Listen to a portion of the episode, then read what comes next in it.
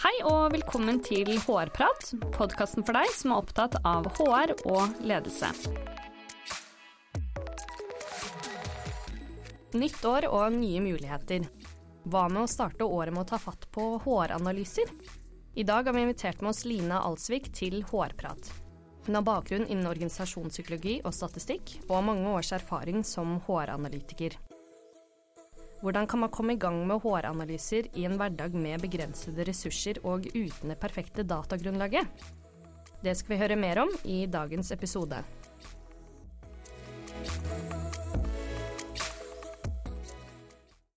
Velkommen skal du være, Lina. Du har jo vært med på web vår webinarserie Fremtidens HR, som vi livestreamet da den 7. desember. Og du er nok eh, godt kjent for noen av lytterne våre fra før. Men kan ikke du fortelle lytterne våre litt om hvem du er? Gjerne det. Eh, du, jeg har bakgrunnen min fra organisasjonspsykologi. Jobbet litt som konsulent med psykometri, med måling av medarbeidertilfredshet og kundetilfredshet, bl.a. Så har jeg vært så heldig at jeg har fått lov til å jobbe syv år i en dedikert rolle til håranalyse i Norsk Hydro. Fikk lov til å bygge den opp fra bunnen av. Fra der hvor mange kanskje kjenner seg igjen at de er, med at det var litt fragmenterte data, litt sånn ymse kvalitet i forskjellige systemer, mm. og ikke så mye forståelse og, og appetitt for HR-analyse. Og til eh, slutten der, der vi hadde et helt team som jobbet med meg dedikert til dette temaet og til HR-tech. Så det var en luksus. Eh, men eh, siden april så har jeg vært People Business Partner i VG. Mm. Og det er veldig mye som, spennende som skjer i Skipsted også når det gjelder håranalyse. Eh, men det er jo en litt annen rolle. Mm. Så nå er jeg i den situasjonen som mange sikkert kjenner seg igjen i, at det er utrolig mange arbeidsoppgaver som man skal rekke over. Mm. Og så skal man i tillegg prøve å prioritere og få brukt litt tid på håranalyse. Så det er ikke lett. Da må man være ganske spisset og målrettet. Ikke sant. Og tematikken i dagens episode det er jo nettopp eh, håranalyser, noe som jeg vet at du brenner for, Lina. Eh, men det finnes så mange definisjoner der ute. Eh, hvis jeg spør deg håranalyser, hva er det egentlig? Det er jo veldig mange definisjoner, og jeg sier ikke at min er den riktige. Nei. Men jeg pleier å se på det som at det handler om å skape endring eller informere avgjørelser mm. basert på god fremstilling av HR-data. Mm. Og så er det eh, gode nyheter og dårlige nyheter i den definisjonen der. Eh, den sier ingenting om å skape endring eller informere eh, avgjørelser basert på avansert statistisk modellering eller kunstig intelligens f.eks. Eh, det er noe man kan få til med ganske enkle virkemidler. Mm. Men den dårlige nyheten er at den sier faktisk den definisjonen at du må skape noe endring eller mm. informere noen avgjørelser. Du kan lage så fin analyse du vil. Hvis den havner i en skuff og ingen bruker den til noe, da har du ikke lykkes med HR-analyser. Mm. Og hvorfor mener du at det er viktig at HR har fokus på dette, da? HR eh, er jo tradisjonelt sett et yrke som baserer seg litt på magefølelse. Mm. Vi har en katalog med tjenester som vi leverer, fordi det er det HR gjør. Og om du driver HR i det ene eller det andre selskapet, så ser det veldig likt ut, og så gjør du mye av det samme. Jeg tror at hvis HR skal få den plassen rundt lederbordet som vi burde ha, mm så er vi nødt til å bli mer faktabaserte. Så er vi nødt til å koble oss på strategien til bedriften, vise at de HR-tiltakene vi jobber med, er viktig for å nå målene, og at de har en effekt. Mm. Og det tar meg jo videre til det litt opplagte spørsmålet, da. Eh, hvordan kommer man i gang med HR-analyser? Jeg ser på HR-analyser som eh, en strukturert prosess.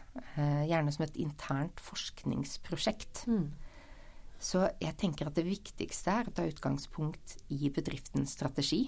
Hva som er viktig for ledergruppa, hvilke måltall bedriften skal nå. Og så stille noen spørsmål der, der vi tror at kanskje det er noen HR-kapabiliteter som kan hjelpe til med å oppnå de målene. Mm. Og så sier jeg det at eh, så må du stille deg hypoteser. Hvordan tror vi dette henger sammen? Hvordan tror vi at det HR gjør, påvirker evnen til å oppnå målene i bedriften? Om man har stilt seg de hypotesene, så er det veldig ofte sånn at da må man bruke litt tid på å samle inn og renske data som skal til for å kunne teste dem. Mm. Og så er det å gjøre analysene, da. Mm. Og det er det som ofte gjør HR litt nervøse. Ja. Men det er faktisk den minste biten i et mm. HR-analyseprosjekt. Når man først har kommet så langt, det å teste noe hypotese statistisk, kan man det, så går det veldig fort. Mm. Og det er også den enkleste biten å sette bort til noen andre, hvis man ikke er komfortabel med det. Finne noen på finans- eller regnskapsavdelingen som har litt statistikk, og som kan kjøre akkurat analysene for deg. Og så må man ikke undervurdere til slutt det å bruke tid på å kommunisere historien din på en god måte, mm. som gjør at de som hører på, skjønner at her må vi faktisk gjøre noe annet. Ikke sant. Har du noen egne erfaringer du kan trekke frem om hvordan du har gått frem i egen organisasjon? Ja, Det er jo litt vanskelig å ta hull på dette her. Det å mm. komme og be om tid og ressurser til å drive HR-analyse uten å egentlig kunne vise til hva det er og hvilken verdi det bringer, det er ofte vanskelig. Mm. Så det å finne eh, noen ute i organisasjonen som har lyst til å samarbeide med deg, noen som har et brennende spørsmål som de trenger svar på, og som har lyst til å gå inn i et samarbeid og gjøre et analyseprosjekt med deg, det tenker jeg det er starten. Mm. Finne det ene gode prosjektet. Så når de står i sin ledergruppe og presenterer nå har vi samarbeida med Lina i HR, og dette er det vi har funnet, da ser de bra ut. Og så mm. blir de andre rundt bordet de blir litt misunnelige. Ja. Og så har de også lyst til å gjøre noe lignende. Mm. Da får du litt hull på det. Da begynner snøballen å rulle. Mm. Og da er det lettere å argumentere for å bruke mer tid og ressurser på det. Mm. Er det noen typiske fallgruver som du er kjent med, da? Da baserer jeg meg på både det de som jobber i HR selv rapporterer, mm. at det er de største hindringene. Også det jeg hører når jeg snakker med folk, hva er det som hindrer dem i å komme i gang med HR-analyse. Og noe som ofte eh, nevnes, er eh, dårlig datakvalitet. Mm. Mangel på data. Og det tror jeg veldig mange av oss kan kjenne oss igjen i. Ehm, hvis vi skal sitte og vente på at alle dataene er på plass, og alle dataene er perfekte, da kan vi begynne med HR-analyse. Da tror jeg vi kan vente lenge. Mm -hmm. Så er det også sånn at jeg kjenner flere som har veldig gode data, veldig god datakvalitet, som allikevel ikke vet hva de skal gjøre med det. Mm. Så det å ikke la seg stoppe av det, men tenke at ok, nå har jeg disse hypotesene jeg vil teste, da skal jeg skaffe meg og skal jeg kvalitetssikre akkurat de dataene jeg trenger uten å sitte og vente på at vi skal ha alle HR-data perfekte og på plass, mm. det tror jeg er viktig. Mm. Og eh, mange er også bekymra for egne kunnskaper mm. når det gjelder statistikk. Men som sagt, det er den biten som er lettest å be om hjelp eh, på. Mm. Vi trenger ikke å ha alle ferdighetene selv. HR er prosjektleder og driver analyseprosjektet fremover. Men det er lov å be om hjelp til den analysebiten mm. hvis man syns at den er vanskelig. Og så ser vi at veldig mange som driver med HR-analyser, eller i hvert fall starter opp med det, de fokuserer veldig på HR. Mm. Overdriver kanskje den HR-biten mm. av HR-analyser. Det å tørre å koble seg på bedriftens strategi og måltall, spille litt på deres banehalvdel, er veldig trygt og godt å sitte med noe data som vi har god kvalitet på, kjenne godt en problemstilling som HR er vant til å jobbe med. Det føles ofte tryggere når man skal begynne med noe nytt, som HR-analyse er for de fleste. Men du lykkes ikke om du sitter og analyserer HR-data for HR sin skyld. Man er nødt til å ha den koblingen til strategien om man skal kunne bevise verdien i HR-analyse og få til noen faktiske endringer. Hmm. Og du er jo litt inne på det, men hva mener du er suksesskriterier som sørger for at resultatene av analysene faktisk fører til endring? Min erfaring er at det er forankring, forankring, forankring. Mm. Altså HR er prosjektleder, men ikke prosjekteier. Mm. Noen ute i bedriften som har myndighet og mandat til å ta beslutninger og gjøre endringer, må ha eierskapet til prosjektet. Mm. Så koble seg på bedriften og finne noen der ute som sover litt dårlig om natta pga. Mm. et spørsmål de bekymrer seg for, og analysere basert på det. og Sørge for at de har eierskap til prosjektet hele veien igjennom. Det er det viktigste suksesskriteriet for å få gjennomslag for analysene. Du er opptatt av at man skal fortelle en overbevisende historie, som du nevnte i sted, med, med, data for å få med seg organisasjonen. Eh, kan du fortelle litt om hva du legger i dette? Der er jeg veldig inspirert av Cole Nossbaumer, som er et vidunder på å kommunisere statistikk og data gjennom historiefortelling. Mm. Eh, det hun sier, og som jeg også har tatt til meg, er at eh, resultatene skal presenteres som et eventyr. Eh, da fokuserer du først på hva er trusselbildet? Hva er det vi er redd for at kan skje her om vi ikke gjør noe? Og så presenterer du skurken. Og Mhm. det er jo den årsaken til problemet som vi har funnet gjennom analysene våre.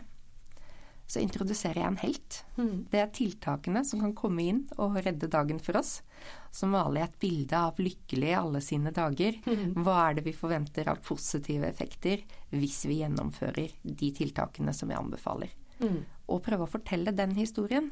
Da er det mye enklere for de som hører på, å tenke at her er vi jo faktisk nødt til å gjøre noe. Enn hvis man bare presenterer massevis av statistikk og hypoteser som eh, stemmer eller ikke stemmer. Da drukner veldig ofte budskapet. Så ikke undervurdere eh, det å bruke tid på historieformidlingen til slutt. Mm, Godt poeng.